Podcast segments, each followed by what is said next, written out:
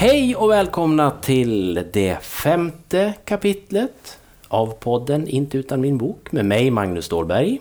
Och med mig Agneta Barle. Och idag har vi en gäst som har ett efternamn som vissa ibland säger en sak på och så säger de något annat ibland. Så vi frågar gästen, vad, vad heter gästen idag? Eh, jag heter Jonny Ganshag. Jag vet att många säger Ganshag, det var det du tänkte på? Ja, precis. Ja, nej, det ska vara med snärt. Det ska- Gan, Ganshag. Och om du då skulle presentera, vi kan säga så här att Jonny är en i Falu kommun välkänd person. Men eftersom vi har lyssnare både i Ungern och i hela världen faktiskt, så tänker vi så här att om du presenterar vem du är för de som inte bor i Falu kommun. Åh, undrar vad jag skulle säga då? Då skulle jag nog säga att jag är en eh, 46-årig tvåbarnsfar med fru och familj i Östanfors. En gammal trästadsdel här, här i Falun. Jag är inflyttad, har bott här i 25 år nu snart. Eh, Kommer egentligen från det offentliga med sjukvård och kommun och administration och har sen blivit politiker och fast i det där sedan över 15 år nu. Eh, har lett Falu kommun i åtta år som kommunstyrelseordförande men nu har jag valt att krypa tillbaka skulle jag till att säga men åtminstone smalna av och, och få jobba lite mer koncentrerat med bygg och bostadsutveckling, näringslivsfrågor. Du är ordförande i miljö och... Samhällsbyggnadsnämnden. Ja, Mm. precis. Det är nog nästan det roligaste uppdraget jag har haft. Mm, det är första gången jag är ordförande i en nämnd. Kul! Det är lite så här kul att få efter att ha jobbat så länge med politik så får man liksom tillbaks till själva verkstaden där, Ja. där de flesta är verksamma. Är, är det lite som att vara någon slags eh, framtidsminister? Och, och sitta i en sån nämnd. Eller i alla fall titta in i framtiden för att se hur, Ja. hur, det, hur, vi, ja, hur det ska se ut. Jo men så har det varit hela tiden att vara politiker på den nivån att man får reda på väldigt mycket som kommer att hända om två veckor eller två år eller det är ju nästan det, det mest spännande. Jag som gillar hemlisar så är det ju som en dröm att få reda på saker som man antingen inte får berätta eller som kanske inte blir aktuellt förrän som ett år eller så. Mm. Du, jag, jag tittade på din... Du har en blogg, visst är det så? Mm. Ja, eller en blogg. Det, Ja, jag skriver det- inte så du- ofta men jag nej. skriver det i alla Ja, jag såg det. På gång i livet, politiken och i kommunen va? Eller ja, något sånt. ja, ungefär så. Ja. Så du tycker det är kul att skriva? Ja men det tycker jag. Och det, för mig har det blivit viktigt för att lite dokumentera för mig själv också. Istället för att skriva dagbok så att man publicerar sig eller man ska säga någonstans. För att det är så lätt att, tror jag som politiker idag, att man, man pratar väldigt mycket. Man kommenterar, man syns i liksom små insändarsvar och sådär. Men det, det är väldigt svårt liksom att själv få beskriva vad är det man tänker och tycker på. Så därför Mm. tycker jag det är viktigt att, att skriva där. Det är nog klokt. Ja. Just att få ner det liksom. Ja, det precis. Man bearbetar det ju samtidigt när Ja, man skriver. ja men så är det verkligen. Men det här, mm, Agneta, kör, nej, kör, nej, nej. kör, Jag tänkte skriva, då ligger ju steget inte så långt ifrån det här med att läsa också. Du måste ju läsa en förskräcklig massa jobbpapper. Mm. Jo men så blir det. Eh, sen kanske det är så också att när man, när man hållit på ett tag så är det nog i alla jobb eh, att eh, så småningom vet man vad man behöver läsa och vad man ska börja att läsa. Jag tror att den som är ny i till exempel politiken den läser mer än vad jag gör för att, den, för att för, på, på säkra sidan så läser man allt. Jag läser kanske lite här och lite där och det där har jag nog hört förut så det bryr jag mig inte om att läsa så mycket. Man kan vara mer selektiv. Mm. Vad var det du skulle säga Magnus? Nej, men jag tänker just på det där med, med läsning och det är ju det där med att hinna och, och, och så vidare. Eh, finns det, säg så här, du, vad gör du på fritiden? Finns det plats för läsning av något annat än jobbpapper eller gör du annat då? Ehm, ja, det finns plats för annat än jobbpapper. Det får jag väl säga. Jag prenumererar på rätt mycket tidningar som jag i och för sig inte hinner läsa alla från perm till perm. Sen har man ju liksom som- politiker så lite över jul, nyår och över somrarna så går det ner. Då, liksom, då kommer inte alla de där papperna i brevlådan säger jag, men då, kommer, då läggs det inte ut på paddan där man ska läsa utan då är det ganska tomt i det flödet. Så att då, då finns det lite möjlighet att kanske ta sig an någon bok där över jul, nyår och så kanske några böcker över sommaren. Men i takt med att barnen också har tagit mer och mer tid så är det snarare det är deras läsande som har tagit större utrymme än mitt eget. Och så ska det ju vara tycker jag för att ser jag min egen liksom, läshistoria, hur den var. Om man, jag tittar på den ålder som de är i. Så när jag var i deras och när, Hur gamla är de idag? Ja, förlåt, det ska jag ju säga för det kan inte ni veta. De är alltså 7 och 11 år. Mm. När jag var i den åldern så jag var ju väldigt sen igång med att läsa. Jag hade ju till och med, tror jag gick i tredje klass, då hade jag stödundervisning mm. i svenska och så här. Och det är också lite intressant att se tillbaks på nu att nu läser jag ju väldigt mycket. Jag har inga problem varken att läsa eller uttrycka mig i skrift sådär. Men då liksom var jag liksom verkligen försökt att hanka mig fram och komma in i det här. Du hade inte hittat nyckeln riktigt? Nej, jag tror inte det. Fick du den där sen? Jag vet inte om jag fick den just på, på stödundervisning i, på Bullermyrens skola i Borlänge men det, det hände någonting där klass 3, klass 4 och sen mm. lossnade Så att mm. Jag har väl varit så här slow starter i mycket men sen när man väl kommer igång då, då brukar det funka ganska bra. Var du rädd för böcker då? Alltså, om du, fick en bok framför dig, var det läskigt att få en bok? Eller? Jag kommer inte ihåg riktigt känslan men i, jag tror att det, visst skiljer det ganska mycket på en del barn. De ganska snabbt blir sådana här bokslukare och de börjar eh, ta in det där. Jag kom nog aldrig det och jag kan inte skylla på mina föräldrar heller för de försökte nog men jag, jag vet inte vad det var som gjorde att jag inte hamnade där riktigt. Om du ser på ditt förhållande till dina ungar och så, vill du föra in böckerna i deras liv? Ja, absolut. Mycket mer och mer intensivt. Sen, eh, min fru Sanna hon är ju fantastisk också på att föra in eh, böcker och kanske egentligen bättre på att nosa upp så där, vad man ska läsa. Så jag blir mer den som, som ligger bredvid i sängen eller mm. sitter bredvid och får ta del utav det. så. Mm, mm. så är du, är du en högläsare då eller nu läser, läser de själva? Är du fortfarande så att... Ja, vi, vi läser högt. Ja. Inte för 11-åringen men för 7-åringen fortfarande.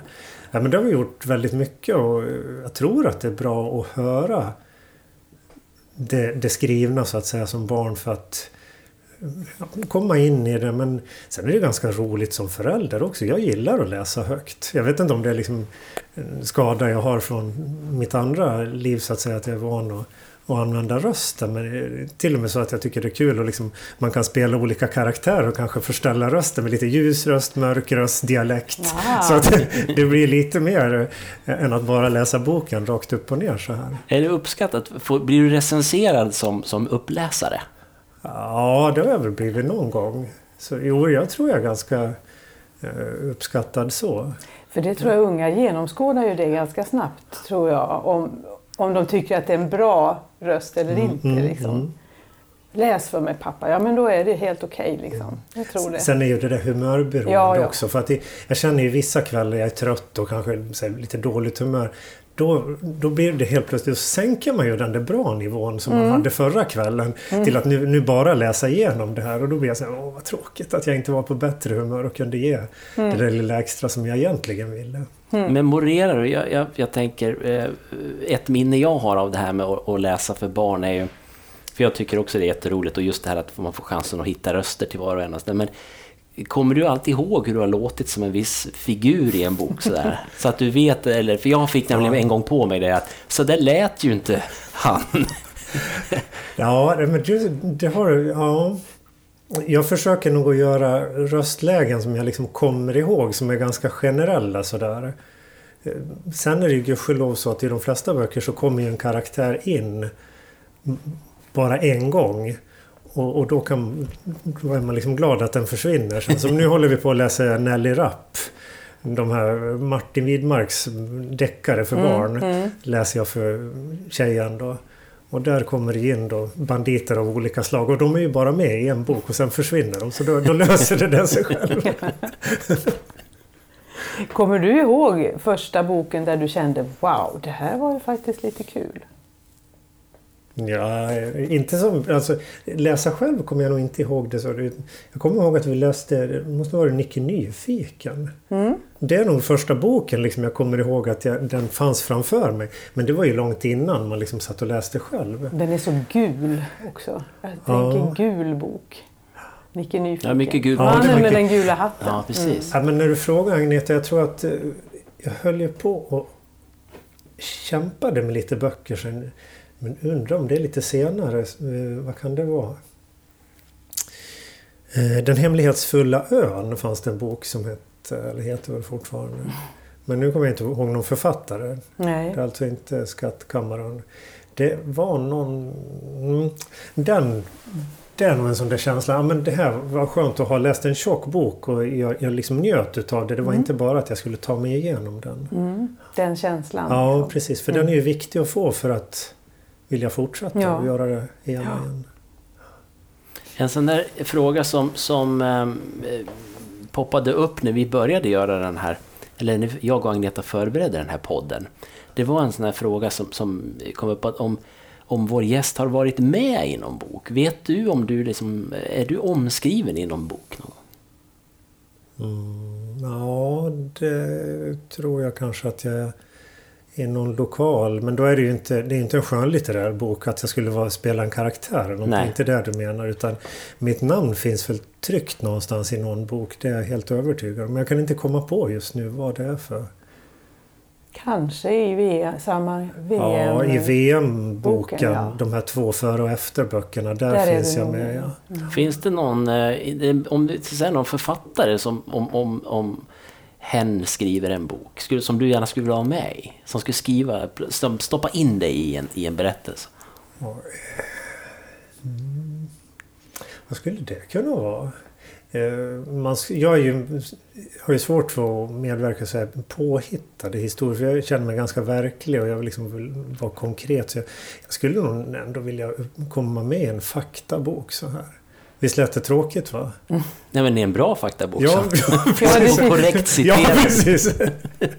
ja, eh, ja, nej men så kanske. Du ser inte, det är inte det att din, din chans att bli en superhjälte, det är liksom ingenting som du lever med ständigt. Nej, nej, jag, nej, jag såg mig inte riktigt i den rollen faktiskt. Inte just nu i alla fall. Det kanske kommer det också. Du verkar ju ha en viss dragning åt teater till exempel. Eftersom Ja, du ändrar ja, dina röster ja, beroende jo, på vad precis. du läser. Jag trodde du tänkte på, för det enda teater offentligt som jag har förekommit i det är nog under Falun då. Många år sedan, då spelade jag ju borgmästare i ett par olika skepnader. Mm. Det His- missar jag. Historiska gestalter med hög hatt och lite Ja, olika. var det kul? Ja, det var jättekul. Mm. Men det, Falun då finns ju kvar, men inte på det sättet. Då. Nej, det är inte lika tydligt. Nej, nej, precis. Du, när du lyckas få tag på en bok som du vet den här vill jag läsa. Var är du då? Var sitter du helst när du läser någonstans? Eh, jag, en, jag läser nog bäst i våran sommarstuga i Rättvik. Mm. För det, hemma blir det tyvärr så att det är så mycket runt omkring en hela tiden som pockar på eller man reser sig upp och nej men just jag skulle göra det där. Där finns det inte på samma sätt utan där kan man sitta bara där kan man sitta ute också Mm. på somrarna och läsa. Så det är nog den bästa platsen. Mm. Oavsett egentligen vad man ska läsa om det är skönlitterärt eller faktabok Mm. eller eh, gud förbjude kommunala papper som ska plöjas. Mm. Ett lugn, Ja, ja mig. faktiskt. Mm. Är du, ligger du, läser du i sängen? Ja, det Mm. är jag. Eh, Det var väl en tid när man var himla trött på kvällarna så man alltid somnade med en bok. Men nu lyckas jag hålla mig vaken lite bättre. Barnen är lite större. Ja, och sen min arbetsbelastning är Ja. nog lite mer lämplig också för kvällsläsning. Mm. För det var nog det som man stupade på förut. Har du, ehm, har du någon bok som du minns? Alltså, egentligen, eh, frågan är egentligen om du har någon favoritbok, men vi har reviderat den där frågan lite. Men om, finns det någon bok som har betytt mer än alla andra böcker för dig? Vet, det är alltid svårt att- bestämma en bok eller en författare eller en utav någonting. För livet är ju så mångskiftande egentligen. Så det, man gör sig själv eller gör livet orättvist om man lyfter fram en. Men eh, när vi pratade om det där lite innan då satt jag och tänkte men jag är ju egentligen jag är ju en nörd så här. De böcker som jag har varit mest kanske inne i det är ju så här böcker om arkitektur eller kanske design eller någonting. Där har vi det där med samhällsbyggnad. Ja, jo faktiskt. Ja, jag är ju en nörd. Jag gillar ju samhällsplanering och arkitektur och alltså hur, hur liksom staden ser ut. Det, jag sticker under, inte under stol med det. Och till exempel en, en sån författare, som, eller hon är ju egentligen inte författare. Jag tror att hon är, hon är professor eller docent, Eva Eriksson. som ju har skrivit om hur, hur staden liksom har kommit till. Den moderna staden. Jag tror hon har skrivit ett par böcker om den moderna staden tar form och, någon sån titel. De är fantastiskt bra böcker. Och varför jag kanske blir så intresserad av dem det är inte bara för att det står om hus och arkitekturstilar utan hon skriver ju också om vilken typ av samhälle eller vilken, vilken tidsepok som påverkade det här. Alltså det blir sociala frågor också som vävs in. Och de människor som lever just Ja i det men samhället. precis, Ja. precis. För det är, vi bygger ju inte bara för att utan det finns ju någonting som präglar det vi skapar idag också. Mm, mm. Så ja, nej, men det låter ju väldigt nördigt att lyfta fram sådana böcker. Sen har jag läst mycket eh, personporträtt, till exempel om Olof Palme. De kan jag inte sticka under stol med heller att de har varit väldigt intressanta. Den här, heter han eh, Henrik? Det här som blev film sen, kommer ni ihåg den? Den, sen, den senaste Ja. filmatiseringen, ja, jag Ja. vet inte vad han heter Kan han heta. Henrik Bergen? Nej, det låter fel. Det är någon annan. Det var i alla fall en rejäl tegelsten och den läste jag och tyckte var fantastisk. För det, Och den är ganska ny va? Den- Den, inte ja, så himla länge sedan. Nej, den är förhållandevis ny. Och framförallt så var det att det, det var ju så mycket om eh, hur personen bakom politikern och hur han liksom funkade ihop med sin familj och hur, hur, det, ja, hur, hur livet flöt vid sidan om den politiska gärningen. Just det. Mycket bilder också. Ja, det var Mm, det. Fantastiskt fin. Mm. Ja, men det är väl några exempel som jag kommer på sådär när man...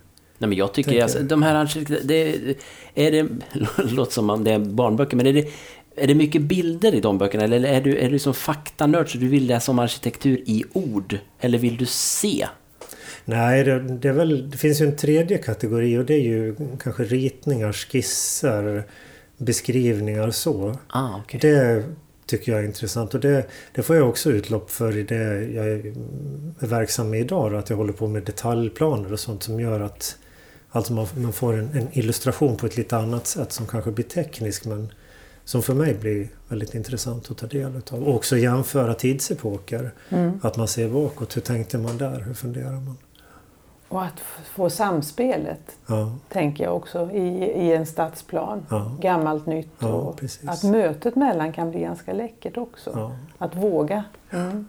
Och sen kan, man ju, kan det vara ganska kul att se illustrationer också från långt tillbaks. Alltså idag är vi så van med en digital teknik och allting blir perfekt och, och knivskarpt och så. Det, sådana illustrationer kan ju vara väldigt roligt att se också. En, ett, ett ritat hus eller en, en plan eller en ritning från eh, sekelskiftet 1800-1900. Mm. Ja, det är de här gamla, jag tänker mycket kartor i våran historiska stad som vi sitter i Falun nu, Ja. när man hittar de här gamla kartbilderna. Hur man, just det här, och det gäller väl i hela världen, hur man uppfattade att det såg ut. Och sen när man har haft möjlighet att mäta avstånd och ta... Ja. Det blir givetvis annorlunda, men det är väldigt charmigt att se hur det kändes. Det kändes ju förmodligen så. Ja. Som att det där berget var väldigt högt och, och så vidare och så vidare. Ja, precis. Så det är ju... eh, Men i det här, eh, ja, arkitektur, där är det såklart, där finns det inte författare på samma sätt som att, det är att eller han eller hon är en bra arkitekturförfattare. Eller är det, jag kan inte genren alls. Nej, jag vet egentligen inte om det är så utan det är väl mer att eh, man blir en förmedlare utav vad någon har åstadkommit. Mm. Att det är arkitekten som sätts i, i, rum, i första rummet och att det är någon som förmedlar. Eva Eriksson sa du. Ja, Och är hon professor i... jag, jag tror det Ja. på i just eh, kring arkitektur. Jag tror hon är på KTH. Ja, okej. Mm, mm. Då kanske frågan favoritförfattare är svår också. Ja, Jag har nog ingen favoritförfattare. Alltså, ska vi återvända till de här eh, lite uppehållen i politiska livet, eh, till exempel på somrarna. Så jag måste erkänna, jag läser ju deckare. Mm. Det är väl en jättebra sida hos dig absolut. Och jag började, alltså när jag läste det så mycket i volym, då läste jag den här Jan Mårtensson och det tycker säkert många är sån här riktig så dussin producent utav kriminalberättelser, men de var väl helt okej. Och Han sen- håller på fortfarande. Gör han det? Ja, visst. Ja, han, han måste ju ha skrivit hundratals Ja, det böcker sen. Det är ju liksom bara på löpande band så här, ungefär samma berättelse också. Men man läser dem ändå. Och sen, vad blev det efter? Och så Mankell. Och så, sen, Mankel. Mankel, förlåt. Jag har gått i samma klass som han Okej. en gång. Och sen, vad hette han då? Hans Rosenfeldt Ja. skriver ju tillsammans med en kille. Det är, himla, det är det sista jag liksom har plöjt nu. Riktigt bra böcker. Och li, där är lite mer, till skillnad från Mårtensson som blir ganska tradigt och enahanda, så är det lite bättre beskrivningar där och man får lite mer veta om människorna bakom hur de mm. tänker och tycker. Och lite tuffare också. Ja, det kan man väl säga. Och lite mer barn av sin tid, de böckerna får man väl säga. Mm. Mm. Har du läst hela serien som Rosenfeldt? Det är skamligt att man inte kommer ihåg vad den andra heter. Men har du läst allihopa eller några stycken av dem? Eh, några stycken är antagligen. Jag har inte full koll på hur många det är om jag ska vara ärlig. Jag har läst två nämligen och det är sådana den, den, ligger på vänt för mig hela den serien. För jag tycker de har varit, de två jag har läst, jag tycker har varit jättebra. Ja. De har ju även gjort tv-serier på dem. Alltså, ja. Han är väldigt duktig, Rosenfeldt. Rosenfeldt då. Och, och, i det här fallet Ja, det här är ju då en bokpodd när man inte kan komma ihåg Nej, allting. men så är det ju. så är det ju. Men, ja. men deckare, det, det tycker jag inte man ska skämmas för. För att jag satt ju då när vi gjorde de här radiopraten, Agneta och jag, så, så var det nästan så att jag höjde ett finger och sa att idag har jag inte med mig en deckare eller då kriminalroman. För, det, för mig har det i perioder blivit väldigt mycket sånt. Mm. För att mm. jag, jag är... Eh, men det var det jag tänkte på. Är, är det mysteriet, alltså gåtan, brottets lösning som är spännande? Eller vill du också att det ska vara människor som är spännande att läsa om i en sån historia? Jo, men det, det är klart att det är det senare också för att det blir ganska tråkigt. Och och läsa en bok där man liksom bara ska vänta på att man ska få komma fram till sista tredjedelen av boken. Utan det är klart att måste, man vill att det ska hända eller det ska liksom ge någonting resten av boken mm. också. Då mm. är ju det där en viktig ingrediens att man beskriver människor och miljöer. Att det inte bara bedrivs som någon liksom kriminalteknisk utredning, en dokumentation på det, utan det måste ju finnas annat med också. Och det tänker jag på när, när jag tänker på Mankels böcker, det här, hans förmåga att liksom kliva in i, i den eh, otäckes huvud. Liksom. Ja. Att man plötsligt i ett kapitel känner hjälp, jag är den här personen. Ja. Och det är ju otroligt starkt. Ja, det är det. det han är men det är om att våga göra det också för att jag kan tänka mig, det vet man ju själv ibland man har läst eller sett någonting av en, en eh, skapare överhuvudtaget som är lite, eller, det är lite brut, brutalt men det kan, vara, det kan dra iväg åt något håll och då tänker man genast att han eller hon måste ju vara väldigt speciell som kan komma på en sån här mm. extrem... Men det är det som är tricket för att, att göra någonting bra, att våga visa, det här tänker jag. Mm. Det är bara på låtsas men jag kan ändå tänka det och jag kan mm. skriva det och låta andra läsa det. Liksom. Mm, Så det är modigt. Det är lite intressant det där just med att man tänker åh hurra, nu har jag faktiskt ett par sådana deckare som jag vet att jag kommer att tycka om. Och att man går ner, liksom, det är som att kliva ner i en, en liten sjö eller någonting och befinna sig där ett tag. Va? Mm. Tänk, inte tänka på någonting annat, mm. bara så, skärma av, jag och deckaren liksom. Men mm. sen nu då, vi, vi ehm, är ju så här icke årstidsbundna i den här podden eftersom man kan lyssna på det året runt i all evighet förhoppningsvis. Men mm. vi är ju på, på vårkanten av 2017 nu. Laddar du upp redan nu med några böcker inför sommaren eller, eller får det ske när det är sommar? Då rycker du åt det något eller? I och med att jag ofta läser mycket mindre än vad jag skulle vilja göra så har jag ofta ett lager sådär. Att det är några som ligger. Och i värsta fall kan det vara så att eh, jag har börjat läsa någon som jag av olika skäl inte... Det blev stopp liksom och så blev den liggande. Så det kan vara sånt också. Det är ju egentligen det värsta att komma halvvägs i en bok och så ska man mm. fortsätta efter ett tag. får man nästan läsa om. Så att, äh, men jag har nog ett lager på på vad som behöver läsas eller vad jag vill läsa. Jag har läst en halv bok tills jag insåg att jag hade läst den förut också. Så det, ja, jo, det finns alla varianter. Så det kan vara bra att avsluta en påbörjad bok om man nu ja. tyckte den var bra i alla fall. Mm. Ja, det gjorde min morfar ofta. Han, han lånade väldigt mycket biblioteket på slutet. Och han lånade om samma bok flera gånger. Och han var inte dement. Jag vet inte vad, det liksom, vad som var glädjen i det där. Eller man, som du och jag, att han glömde lite så översiktligt och inte kom ihåg hur den slutade. Och så läste han den igen. Ja, det är ett sätt att läsa det också, att ja, läsa samma bok. Ja, jo, det vill ju, apropå barn, det vill ju de ofta göra. Ja, att man, lä, man, läser igen, för den var så bra så man vill jo. känna den en, en gång, till. till. Ja, precis. Ja. Jag tror det är därför jag håller på med den här frågan favoritbok. För att jag är själv sådär som att, att igen, mycket det där, en Ja. gång till. Och, men, men när man som sagt läser för barn och den åttonde gången man ska läsa samma, man känner det är svårt att variera på, på samma, det finns inga röster kvar. Nej, nej. Somliga lär man sig utan till. Typ Petter och hans fyra jätter. Det är en sån som jag skulle kunna läsa. Och så läser man fel då, då får man skäll eftersom Ja. det är inte så. Nej. Nej, det är lätt hänt när man ska, på, som du sa, sjunde eller åttonde gången. Då vill man variera sig lite. Man kanske vill bli färdig ibland också. Jo, det har jag också provat. Korta böcker. Sen har jag också för, försökt att byta kön. Om det är liksom någon som benämns hon eller han hela tiden. Så byter jag lite sådär. Men, eller det det är oftast om det... Det är inte människor, för det vet man ju han eller hon. Men kanske till exempel en... en ska vi ta? En nalle då, som i hel, genom hela boken är benämnd han. Då har jag liksom tänkt, ja men nu har jag bestämt mig för att den ska heta hon genom hela boken. Någonting sånt.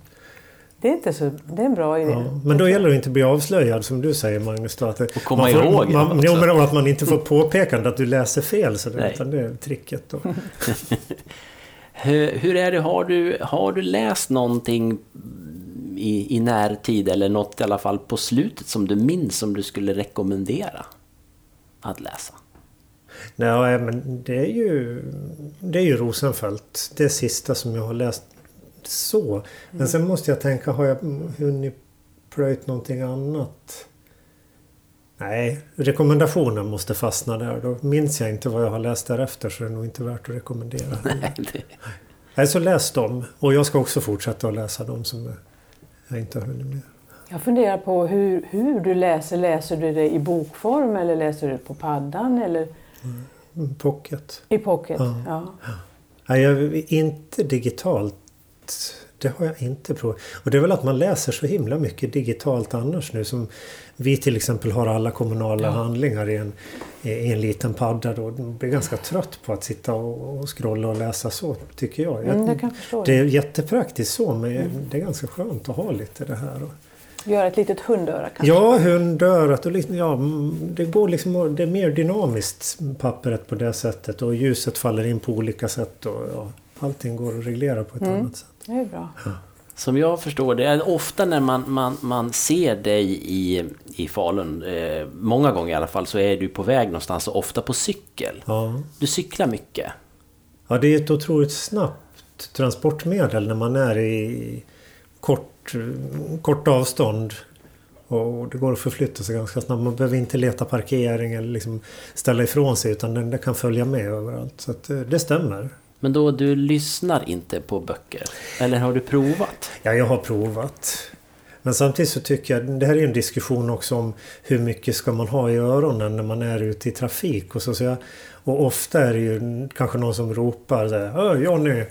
Och då är det ju, blir man ju uppfattad som stram också om man åker med lurar i, i öronen. Så att jag har väldigt sällan, det, det är mer när jag är ute och tränar, då kan jag sätta i lurar i, i öronen. Så att, Och då vet jag liksom vart jag ska och det är ingenting som stör. Så. Men inte ljudböcker eller lyssna på så, utan det är mer musik då faktiskt.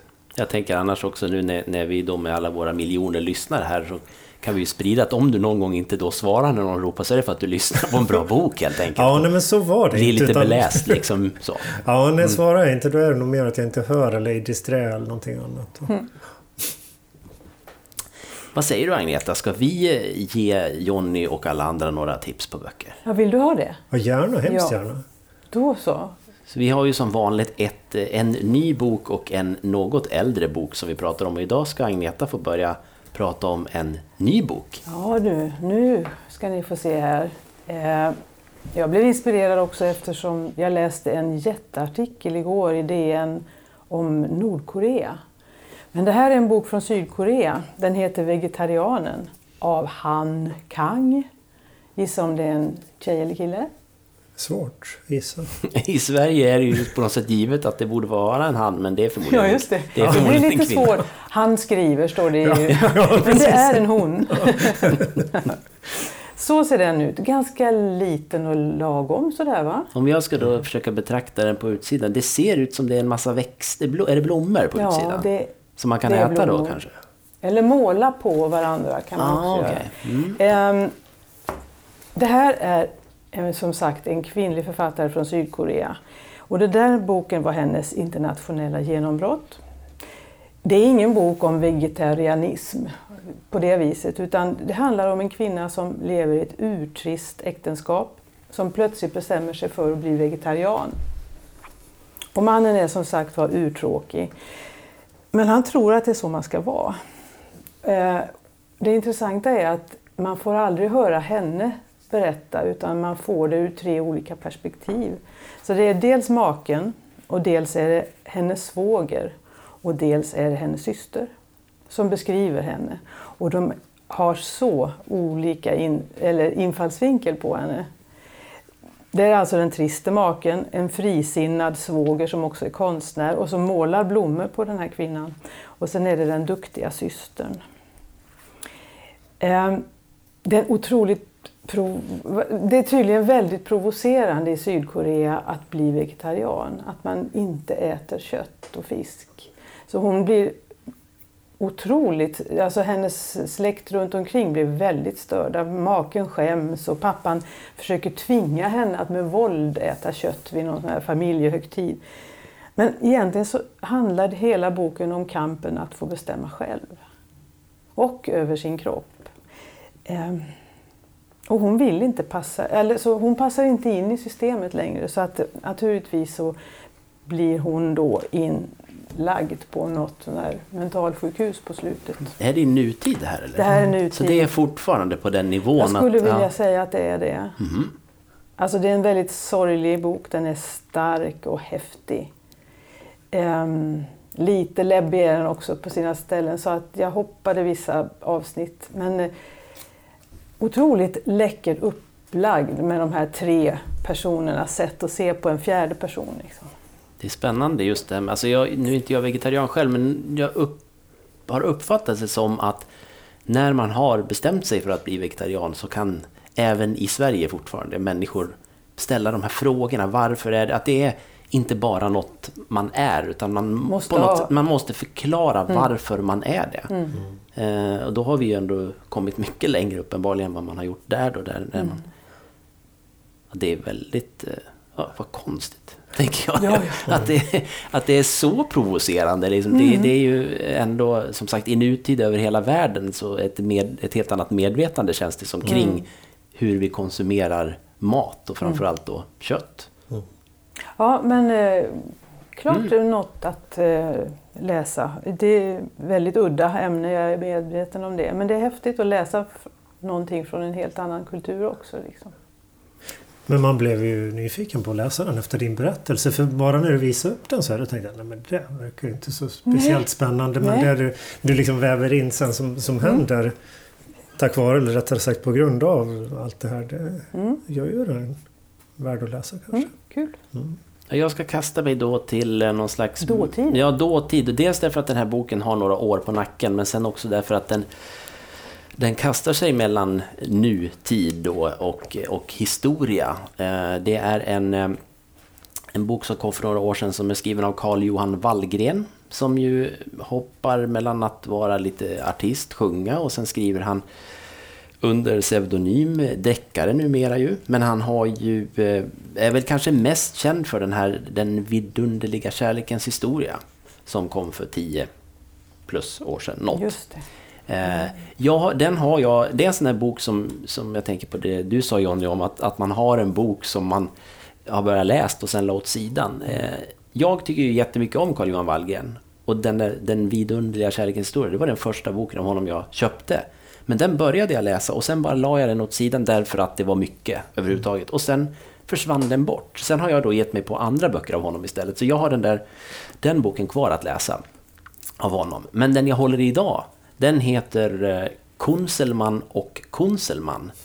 Och eh, i någon tidigare, eh, tidigare i något avsnitt av vår podd här så vi pratade vi tjocka böcker och att jag ju har lite svårt för tjocka böcker. Att det direkt blir lite jobbigt bara jag ser den. Men när jag såg den här nu så minns jag det att det här är... Den här, av någon anledning, och det här omslaget visar jag upp här nu då, men det är ju i princip bara en titel och en författare på omslaget. Och sen är det någon något Lite abstrakt. arkitektur också, är det inte det? Mm. Mm. Det är, om man tittar noga så är det tavelramar. Ja, det är det. Och det är det som är kopplingen till den här boken därför att Konselman och Konselman är en slags inte en släkthistoria, men det, huvudpersonen inledningsvis heter Joakim Kunselman. Han lever i nutid och han är en inte så supersympatisk eh, medelålders ung man som lever i sus och dus och han har slarvat med ekonomin och ja, det är helt enkelt, ser inte så bra ut.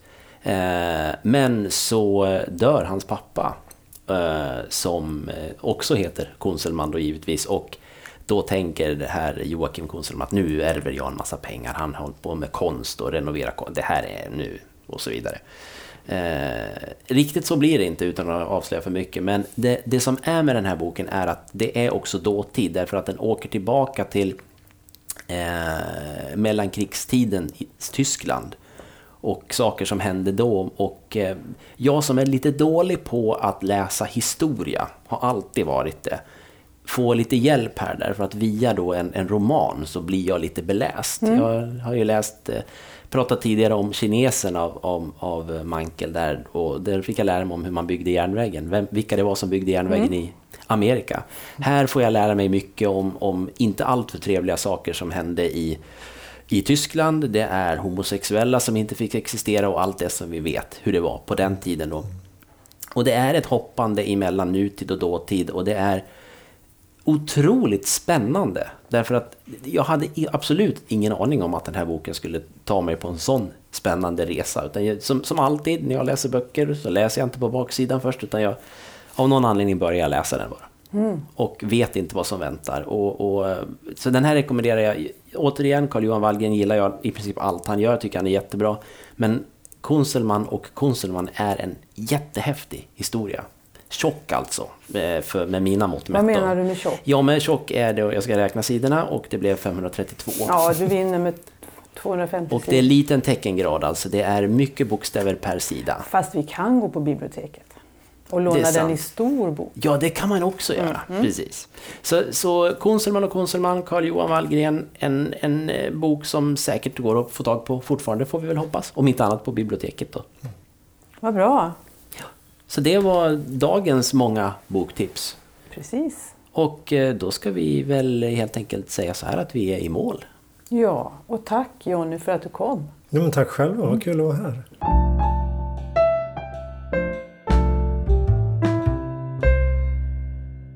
Du har lyssnat på ett avsnitt av podden Inte utan min bok som produceras av Magnus Stålberg och Agneta Barle. Mer information om avsnitten hittar du på skrattpiller.se inte utan min bok. Vi finns också på Facebook där vi heter Inte utan min bok och på Twitter också. Även där heter vi Inte utan min bok. Tack för att du lyssnade!